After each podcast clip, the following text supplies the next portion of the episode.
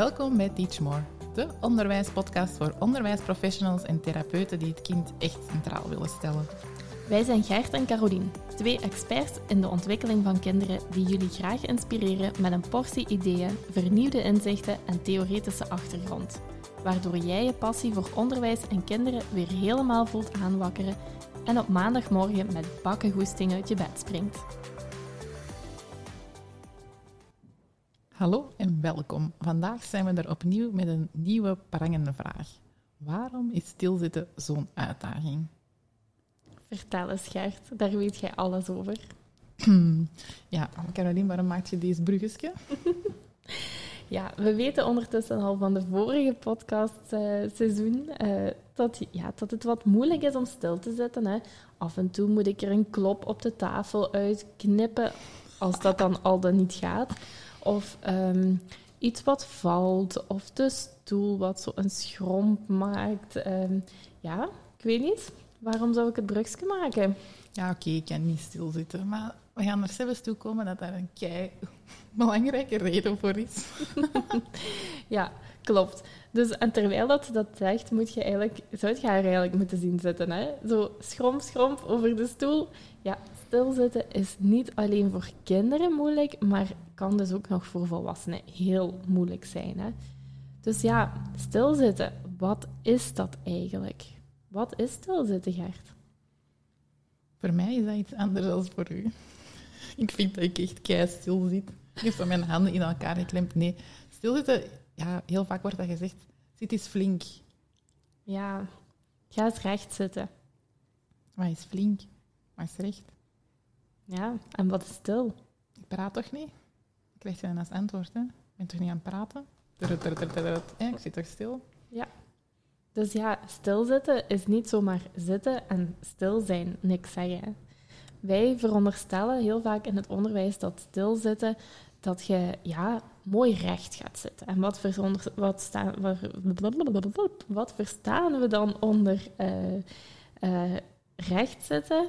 Ja, dat is de benen naar beneden, um, de rug recht, uh, geen steunname tegen de bank, wel of niet. Misschien dat daar nog niet zoveel aandacht aan gegeven wordt. Maar um, in de klas verwachten we eigenlijk wel dat iedereen op die manier zit en ook zo blijft zitten. Ja, dus geen wiebelen op je stoel zodat je naar achter kunt slagen. Dat heb ik nu eigenlijk wel niet gedaan. Ik was wel flink ja. lagere school, maar ik moet wel zeggen dat mijn zoon wel al vaak van zijn stoel is gevallen. Vooral in het eerste leer. En dat hij dan heel snel zo'n uh, wiebelkussen kreeg en dan was het wel oké. Ah ja, maar dat jij niet hebt gewiebeld heeft een andere oorzaak, hè? Dat heeft namelijk te maken met alles voor naar achter te brengen, hè? Mhm. Onze Moro. Zullen we hier al even het brugje maken naar die Moro? Ja, ja. Ja, we kunnen niet anders, hè? Dus uh, wanneer dat we het hebben over stilzitten, dan, um, ja, dan kunnen we ook niet anders hebben dan over reflexen. Eigenlijk zijn er in ons lichaam een heel aantal reflexen aanwezig die nodig zijn in eerste instantie om geboren te worden, om um, ja, ter wereld te komen en ook om de eerste tijd van ons leven te overleven. Mm -hmm. En die groep van reflexen, dat noemen we primitieve of primaire reflexen. En de moro, die hier net al even werd aangehaald, dat is eigenlijk ja, de eerste die we gaan testen als een babytje ter wereld komt. Hè. Ik weet niet of jullie dat um, zo in jullie hoofd kunnen halen, maar als een babytje ter wereld komt, dan uh, wordt die overgenomen door de dokter. En die laat dan um, ja, een kleine schrikbeweging uh, uh, tevoorschijn komen. De handjes klappen helemaal open en heel vaak komt er ook een, een heftige emotie daarachteraan van te huilen, van zich zo te verschieten eigenlijk. Hè. Ja, eigenlijk wordt dat poepje vastgehouden en dat hoofdje krijgt zo even geen steun. Hè. Daarom dus naar achter vallen, hè, dat wiebelen op je stoel, om naar achter gaan, oh, ja. dat ik dat verschrikkelijk vind. Voilà, dus meteen de reden waarom dat jij niet hebt gewiebeld op je stoel. Mm -hmm.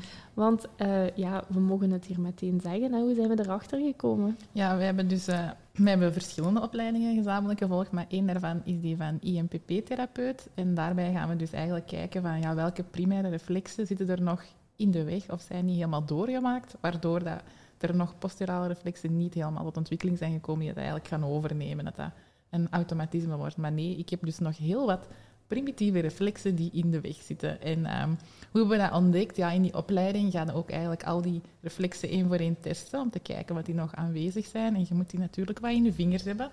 Dus wij gingen dat bij elkaar oefenen. En um, op een bepaald moment komt de moro eraan. En um, ja, wat je ook leert in die opleiding is dat je goed kunt compenseren als je wat volwassener bent. Dus als we gewoon de test deden voor de moro, dan uh, kon ik dat eigenlijk onder druk, terwijl we alle twee wel wisten van... Hmm, deze moro moest er zijn, maar ik kwam er totaal niet uit. Mm -hmm. Tot? Tot uh, Caroline er een vettig trucje aan toevoegde. Het is echt een heel gemene truc.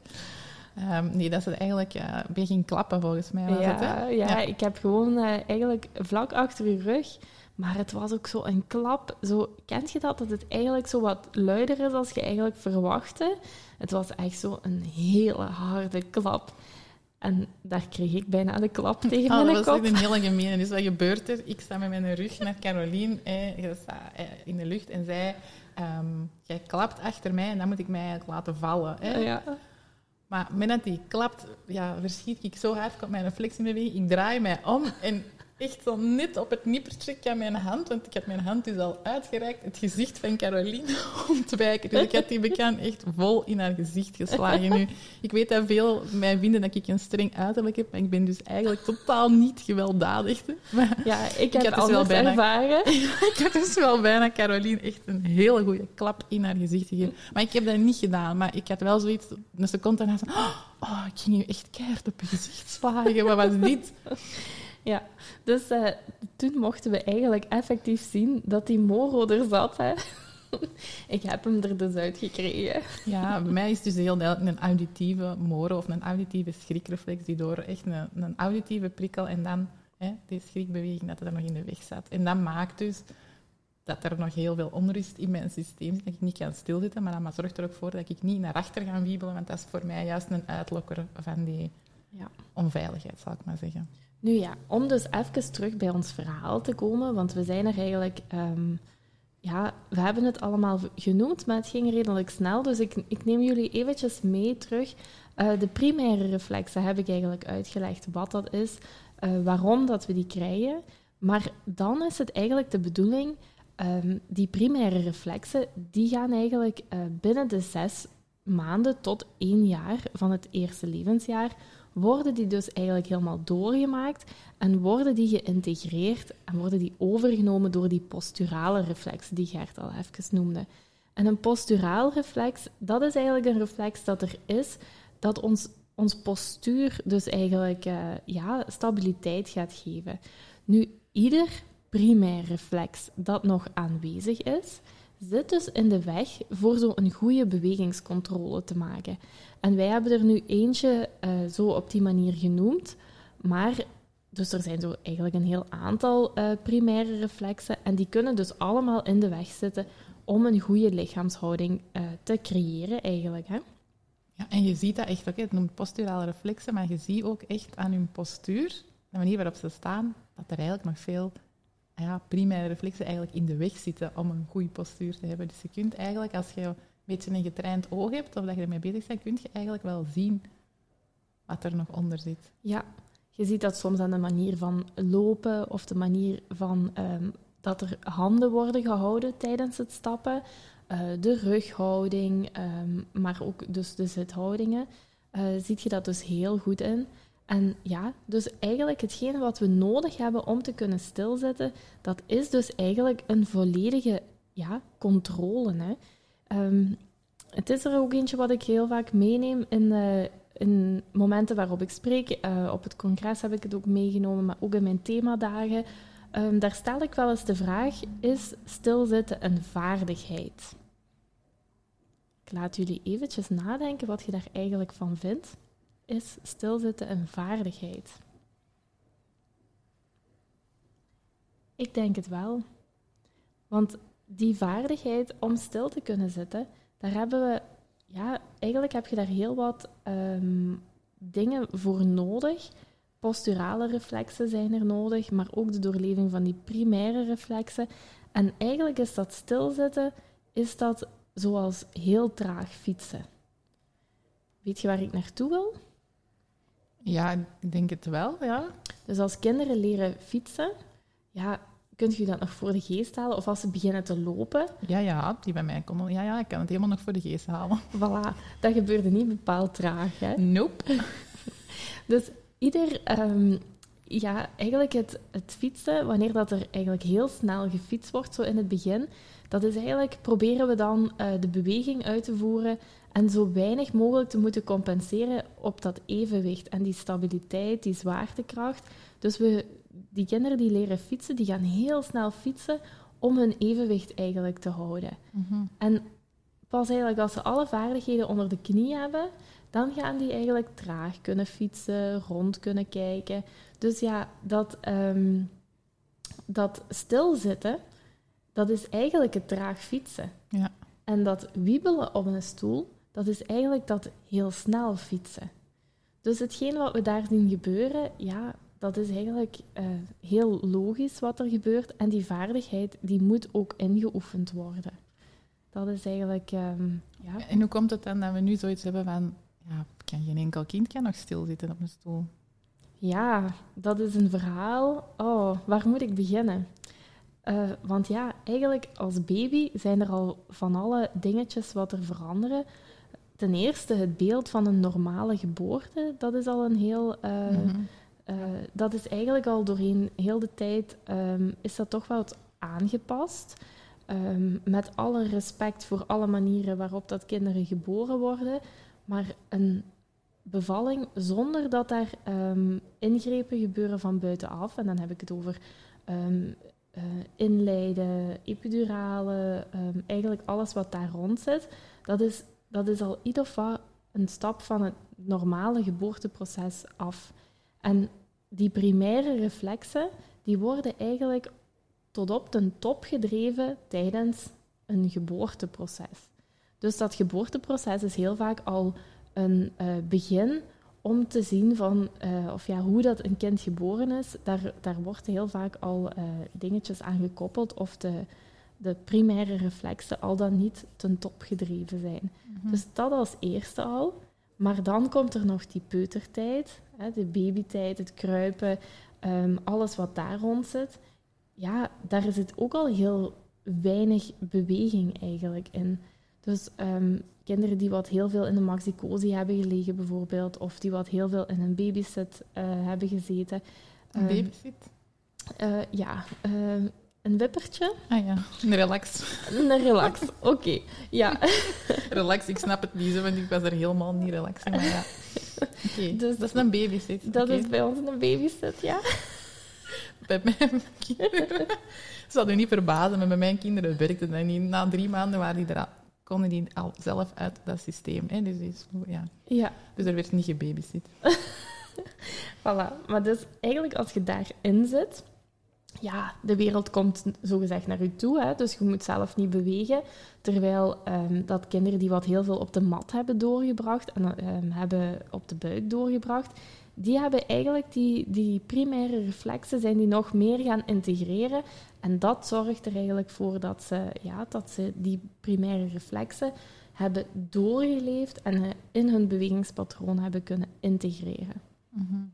Dus ja, daar begint het eigenlijk al. Hè? Ja, want meestal is een vaardigheid kunnen stilzitten pas iets waar we op of overvallen in een eerste leerjaar. Ja, dat klopt. Maar het begint dus al echt heel vroeg. Hè? Dus dat stilzitten, ja, dat is dat eigenlijk is dat terug naar het kruipen gaan, is dat terug, terug naar de beweging gaan. Wanneer dat we gaan kijken hoeveel beweging dat er nodig is om die uh, reflexen door te maken, ook klimmen, klauteren, eigenlijk alle soorten bewegingen zijn, ja, zijn goed om die reflexen door te maken. Mm -hmm. Dus eigenlijk ook in een kleutersklas wordt er gewerkt, of wordt eigenlijk al een basis gelegd om op verder te gaan? Of kunnen we een basis leggen, ik zal het zo zeggen? Ja, heel zeker. Als we in die kleuterklas um, ja, ook oog gaan hebben voor, um, voor die beweging en voor eigenlijk de integratie van die reflexen, dan, uh, dan werken we eigenlijk aan het stilzitten. Mm -hmm. Dus, dus het is heel tegenstrijdig, maar door te bewegen werken we aan het stilzetten. Ik denk dat dat juist een heel belangrijke is om dat mee te geven. Ja. We moeten gaan bewegen om ervoor te kunnen zorgen dat we kunnen stilzitten. Maar dan kriebelt er zoiets heel erg bij mij. Dat is misschien ook omdat ik zelf niet goed kan stilzitten. Maar het is niet omdat je stilzit, dat je flink bent en dat je alles mee hebt ook. Hè? Nee, soms is er zelfs juist um, die extra stimulatie, extra prikkeling nodig om te kunnen luisteren. Dus er zijn ook heel veel kinderen die wat, uh, wat iets nodig hebben om mee te prullen of om, om te bewegen.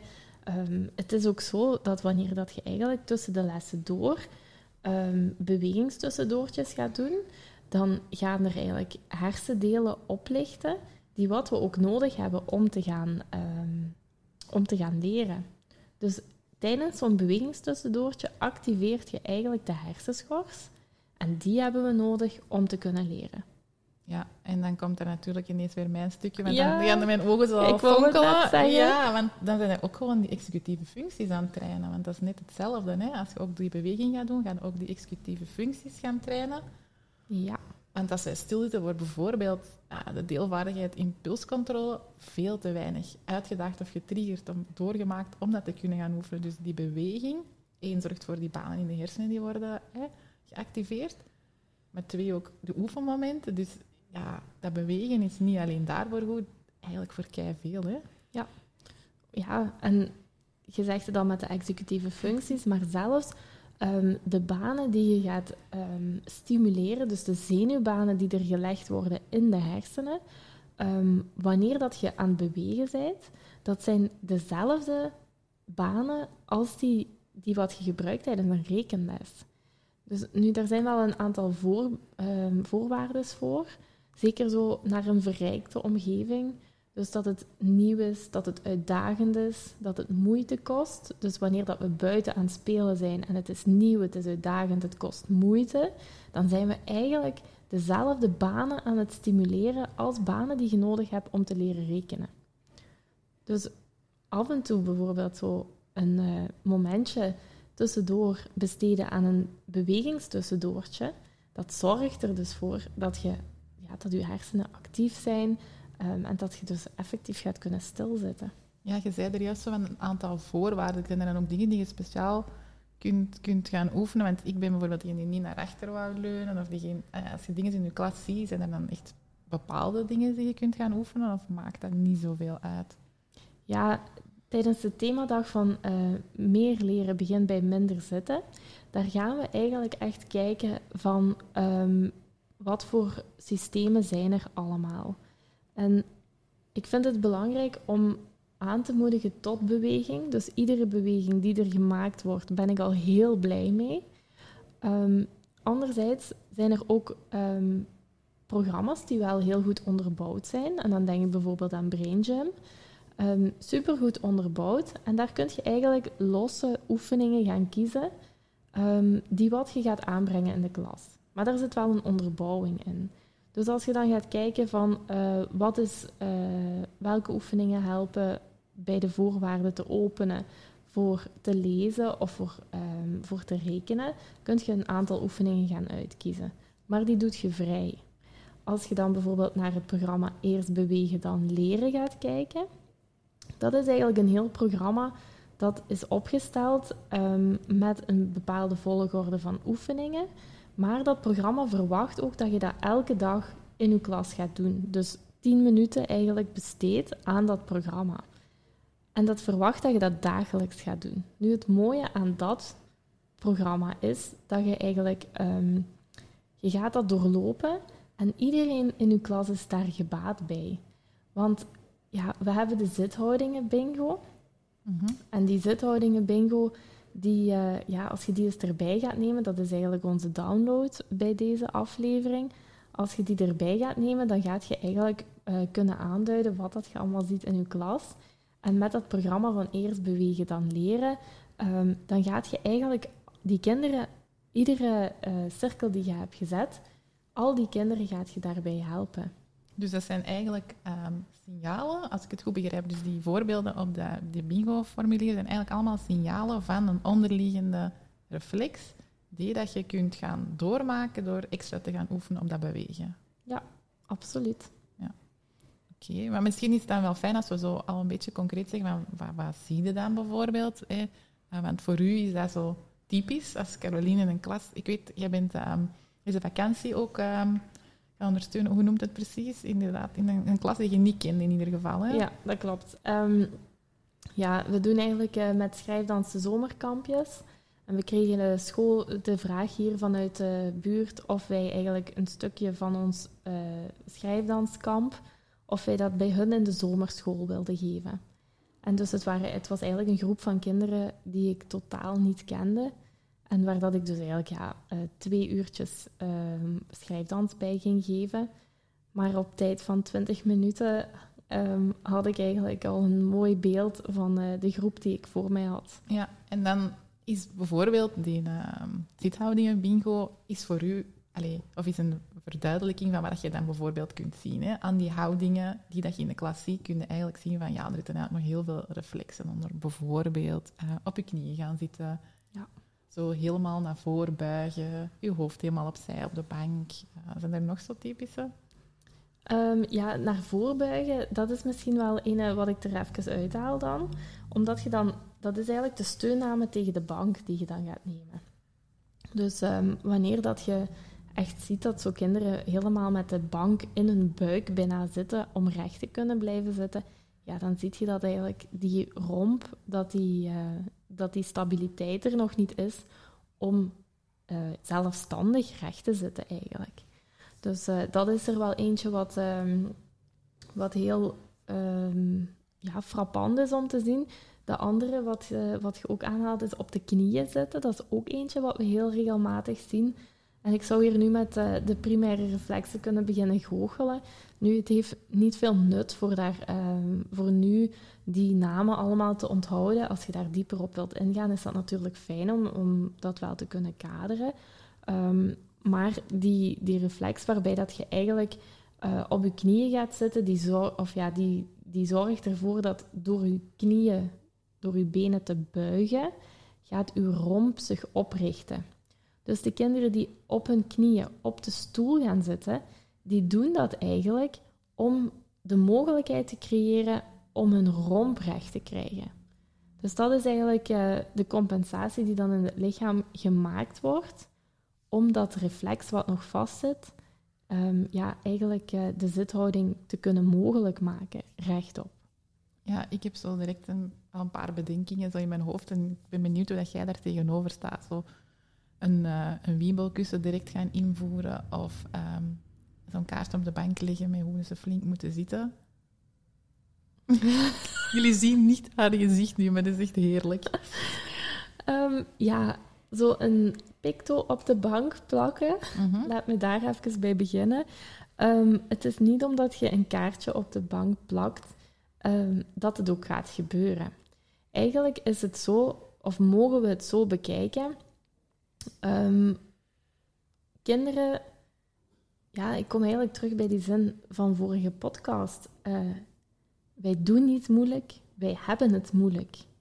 Dus het is als een kind um, een specifieke houding constant aanneemt, dat wil niet zeggen dat dat kindje niet anders wilt gaan zitten. Eigenlijk mocht je ervan uitgaan dat dat kind niet anders kan gaan zitten.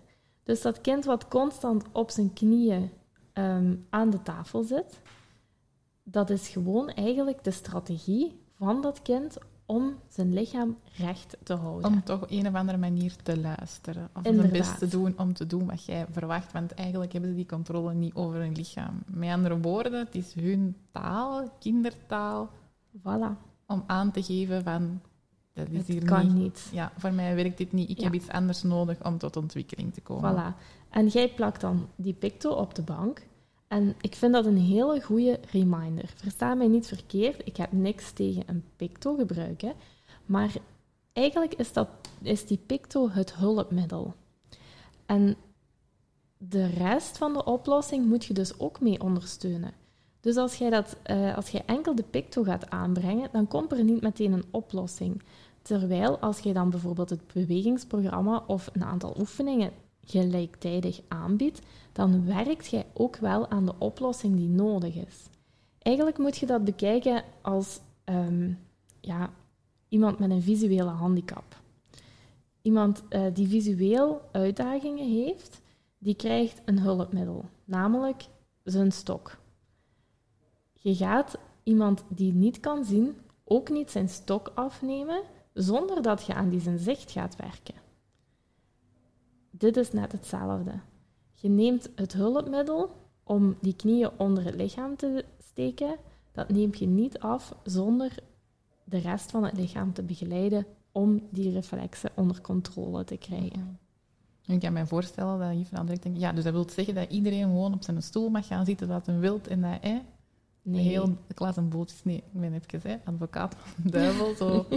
Want dat is natuurlijk niet gemakkelijk en het is ook bijzonder frustrerend soms als leerkracht dat je ziet van, oh, hoe hangen die allemaal op hun stoel of op hun bank, hè? Ja, absoluut. En dat, dat is ook helemaal waar. En niet alle zithoudingen... Je hoeft ook niet alle zithoudingen te tolereren. Hè. Ik ben ook een persoon die verwacht dat de benen op zijn minst naar beneden wijzen. Ehm, om eigenlijk een goede zithouding te creëren. Maar die zithouding creëert je wel ook door de weg er naartoe te ondersteunen. Dus wanneer dat we het hebben over zo'n schoolprogramma van eerst bewegen dan leren, eigenlijk is dat super dat zo'n programma in 10 minuten per dag een oefening doen. Ehm, ja, eigenlijk allemaal die... Uh, want door dat programma te doorlopen, haalt je alle reflexen, primaire reflexen aan. En het is ook zo bij dat programma, het tempo van de klas wordt bepaald door de traagste leerling. En dit is, dit is nu hoe het programma het verwoordt, de traagste. Dus met andere woorden, iedereen moet de oefening goed kunnen uitvoeren voordat we naar de volgende oefening gaan.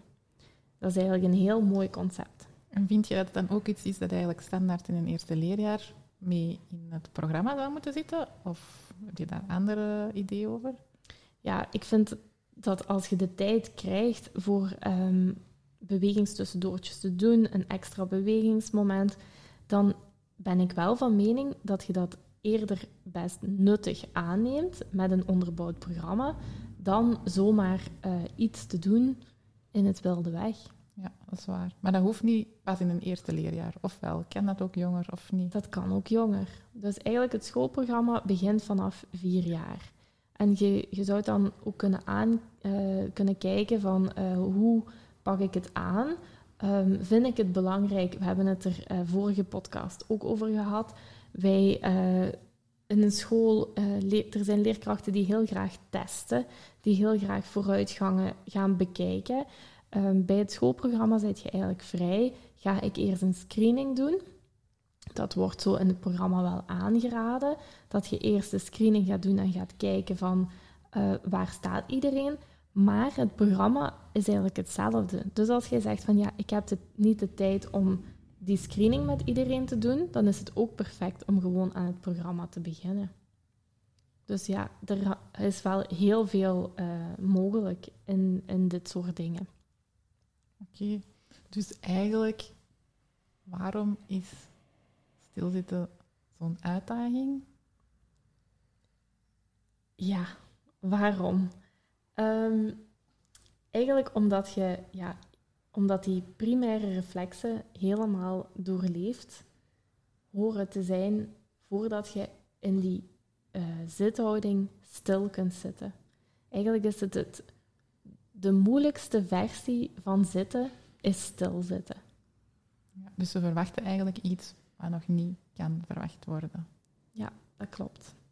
Een voorbeeldje bijvoorbeeld, um, ook als we gaan kijken naar, uh, dat is bijvoorbeeld een reflex wat, wat eigenlijk ook heel vaak bij kinderen nog niet uh, doorleefd is, nog niet geïntegreerd is. Dat is eigenlijk uh, de spinal gallant reflex.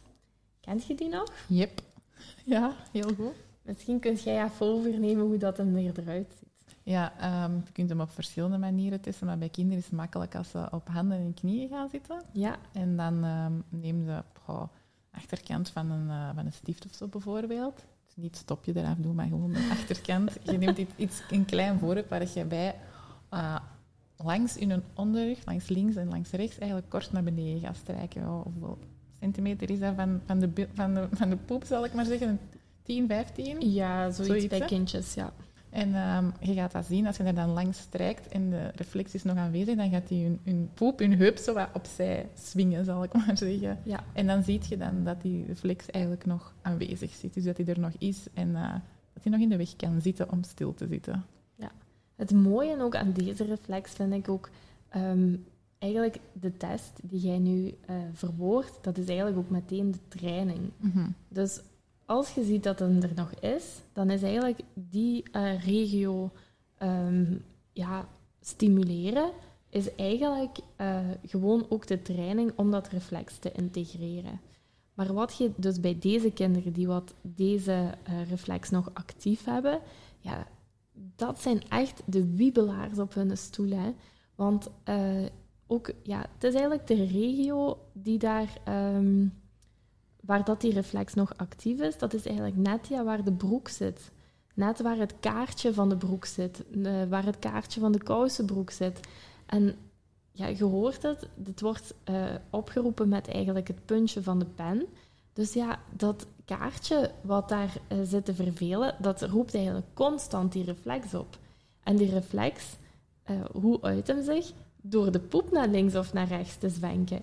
Dus dat wiebelen op die stoel, dat wordt gewoon op dat moment eigenlijk gestimuleerd. Mhm. mijn, uh, mijn jongste zoon uh, had die reflex ook nog heel erg zitten. En uh, hoe ben ik daarachter gekomen? Een van de mogelijke um, ja, uitwerkingssignalen was, is bedplassen toch ook. Hè? Ja. Um, en dat was iets waar hij, terwijl hij eigenlijk overdag dat prima kon, was dat s'nachts nog niet. En, um, dus ik heb die reflex gaan testen en dat was inderdaad heel duidelijk, die zat er nog. En doordat wij die eigenlijk een tijdje inderdaad zijn gaan doormaken, dus elke dag die beweging zijn gaan doen, is hij ook effectief gaan liggen. Dus ook, ik weet dat er tegenwoordig wel best wel kinderen zijn die um, niet mee willen op, op meerdaagse schooluitstap, omdat ze nog bedplassen en daarover schamen. En er heel wat zijn waar dat daar eigenlijk gewoon die reflex nog als... Er zijn ook andere oorzaken van bedplassen, even tussen aanhalingstekens, maar die reflex is toch ook wel een hele grote aanwijzer van mogelijk, of oorzaak van dat bedplassen. Hè? Ja, ja, heel zeker. En het is goed dat je het aanhaalt, want um, er wordt ook heel vaak echt medicatie voor het, of ja, tegen het bedplassen gegeven. En op zich, als dat nodig is, uh, dan is dat nodig, uh, dan is dat zo. Maar ik hoor wel in mijn omgeving heel vaak dat ook al dat de kinderen zijn al gestart met, um, met de medicatie en eigenlijk is er niet eens naar die reflex gekeken. En dat vind ik dan wel een gemis, want eigenlijk zouden we het misschien ook in een aantal gevallen ook kunnen oplossen met gewoon dit reflex te kennen, te herkennen en door te maken. En dan zorgt ja, dat, dat bedplassen zorgt eigenlijk voor heel veel stress, inderdaad, op, op die uitjes, maar ook ja, thuis. En als er dan nog medicatie voor moet gegeven worden, is super jammer eigenlijk. Hè? Mhm. En dat is misschien ook een mooi voorbeeld om te zien dat dat net hetzelfde is bij dat stilzitten. Dus dat, die reflex, dat al die reflexen ook zo'n impact hebben op dat niet kunnen stilzitten. Dus dat we niet erbovenop van alles moeten gaan doen, maar dat we terug naar die fundamenten moeten gaan, naar die kern moeten gaan, die kindertaal gebruiken als signaal van, oh, hier zit hier nog iets onder. We starten eerst naar de reflexen, naar daar naar te kijken en die te gaan doormaken door te bewegen. Ja. Want eigenlijk, als we nu in ons verhaal wat samenvatten, beweging is gewoon de poort tot leren, niet dat stilzitten.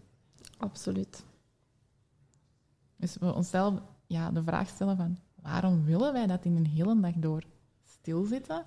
Wat denken we hiermee te bereiken? Is misschien meer op zijn plek. Ja, of waarom moet het een hele dag zijn? Mhm. Of waarom moet het een heel uur zijn? Dat is ook eentje wat we eigenlijk uh, ons kunnen afvragen. Moet een rekenles bijvoorbeeld of een taalles een heel uur stilzitten zijn? Kan bijvoorbeeld ook een leesles, kan dat bijvoorbeeld ook staand gebeuren? Dat is, dat is ook een hele andere ervaring. Um, ik weet ook, ik ben uh, ook al in verschillende scholen uh, gaan lesgeven, waar dat er bijvoorbeeld in een aantal klassen staanbankjes worden aangeboden. Dus dat, dat zijn een, uh, um, daar kun je dan de keuze maken um, als die van klas wisselen of een bepaalde les in die klas doorgaat, dat er daar eigenlijk staanbankjes staan of dat die bankjes worden aangepast. Nu, ik weet ook uit ervaring de bankjes de hele dag aanpassen, um, omhoog, omlaag, ja, dat werkt ook niet. Dus als het mogelijk is om zo een klaswissel te doen, en in die bepaalde klas zijn er staanbankjes, dan weten we dat dat eigenlijk een hele goede ehm, ervaring wel geeft. Mhm. Dus gebruik die kansen als jij het gevoel hebt van oh, iedereen hangt hier weer op zijn stoel of op zijn bank om te gaan bewegen. Ja, ja. En dan is er eigenlijk ook zo wat een misverstand van na zo'n bewegingstussendoortje uh, hebben we hele drukke kinderen. Want eigenlijk, als je de juiste structuur biedt in zo'n moment, dan is dat eigenlijk niet waar. Dus het is belangrijker om de structuur te geven van, um, of de duidelijkheid te geven als we een bewegingstussendoortje doen. Daarna uh, verwacht ik dat en dat. Dus dat je, dat, dat je je regels eigenlijk duidelijk maakt, dat geeft rust. Want dat ze druk zijn na het beweegmoment, dat kan niet aan het bewegen liggen. En als we dat zouden gaan bekijken in, uh, van die, uh, in eigenlijk studies over bewegen, dan zie je dat tijdens een beweging wordt eigenlijk de hele hersenschors geactiveerd. En die hersenschors die zorgt juist voor remming. Dus die zorgt er juist voor dat kinderen terug rustig worden en aandacht hebben, focus hebben en eigenlijk beschikking krijgen tot al hun executieve functies. Dus dat is een, ja, is een super mooie brug tussen die twee eigenlijk, om dan te kunnen stilzitten. En dat ontkracht ook ineens dat we denken van oh, die zitten altijd maar buiten spelletjes te doen, die hebben niet geleerd. Hè? Helemaal, ja. Dus eigenlijk juist dat ontdekken, naar de speeltuin gaan, ehm, klimmen, klauteren, roepen, rondlopen, dat, uh, dat zorgt eigenlijk juist voor een activatie van die hersenschors, waardoor dat ze daarna actiever en ja, meer gefocust aan de slag gaan. Mm Oké. Ik denk dat, dat deze uitleg wel een, een, mooi antwoord biedt op onze vraag van vandaag. Hè? Onze prangende vraag van waarom dat stilzitten zo'n grote uitdaging vormt. Ja, ik denk dat we hier ook wel... Ehm, ja, natuurlijk, het is niet klaar, dit onderwerp. Dit onderwerp, daar kun je dagen over vertellen. Of ja, ik toch. maar uh, het is inderdaad een, uh, een heel mooi beknopte antwoord. Ja, en we hebben hier ook een download bij, maar Caroline kan dat nog wel iets beter uitleggen dan ik. Jij bent gewoon bang voor de link, hè? Voor de link, nee, maar wat ze er precies mee kunnen doen, is misschien ook nog wel fijn om nog eens even samen te vatten. Hè? Helemaal. Dus um, bij deze aflevering hebben we een download voorzien. Dat is de zithoudingen bingo. Um, dat is eigenlijk een, um, een ludiek roostertje, waarin dat er dus uh, ja, alle zithoudingen die wat jullie in de klas kunnen tegenkomen, daarop kunnen lezen. Kunt je eventueel voor jezelf aanduiden wie dat je allemaal hebt gezien. En dan kun je ermee aan de slag, wel of niet, um, met eventueel de oefeningen. Maar um, op die manier uh, heb je wel al zicht van hoe zit het eigenlijk in mijn klas. Um, hoeveel kinderen heb ik uh, mooi stilzitten, zoals wij dat zo mooi zeggen, flink stilzitten. En hoeveel kinderen zitten er op hun knieën, hebben een been onder de poep, uh, zit met de buik tegen de bank. Dus dat vind je allemaal terug in de zithoudingen bingo. Die download die vind je terug op www.teachmore.be slash podcast slash 12. Oké, okay, dankjewel. Aan de slag ermee zou ik zeggen. Ja, en wij horen u volgende week zondag om 11 na 11. Tot dan! Bedankt om te luisteren naar een nieuwe aflevering van Teach More, de onderwijspodcast. Vond je deze aflevering waardevol? Laat het ons dan weten door een review achter te laten in de podcast-app waarmee je deze podcast luisterde. Blijf je graag op de hoogte van nieuwe afleveringen? Abonneer je dan op deze podcast en je ontvangt automatisch een berichtje wanneer er een nieuwe aflevering is. Wij delen ook dagelijks tips via onze social media. Je kan ons volgen op Instagram via teach of op Facebook teachmore. Blijf je graag als eerste op de hoogte van al onze nieuwtjes? Schrijf je dan in voor onze nieuwsbrief op www.teachmore.be. Daar vind je ook ons volledig aanbod aan vormingen, workshops en teambuildings terug.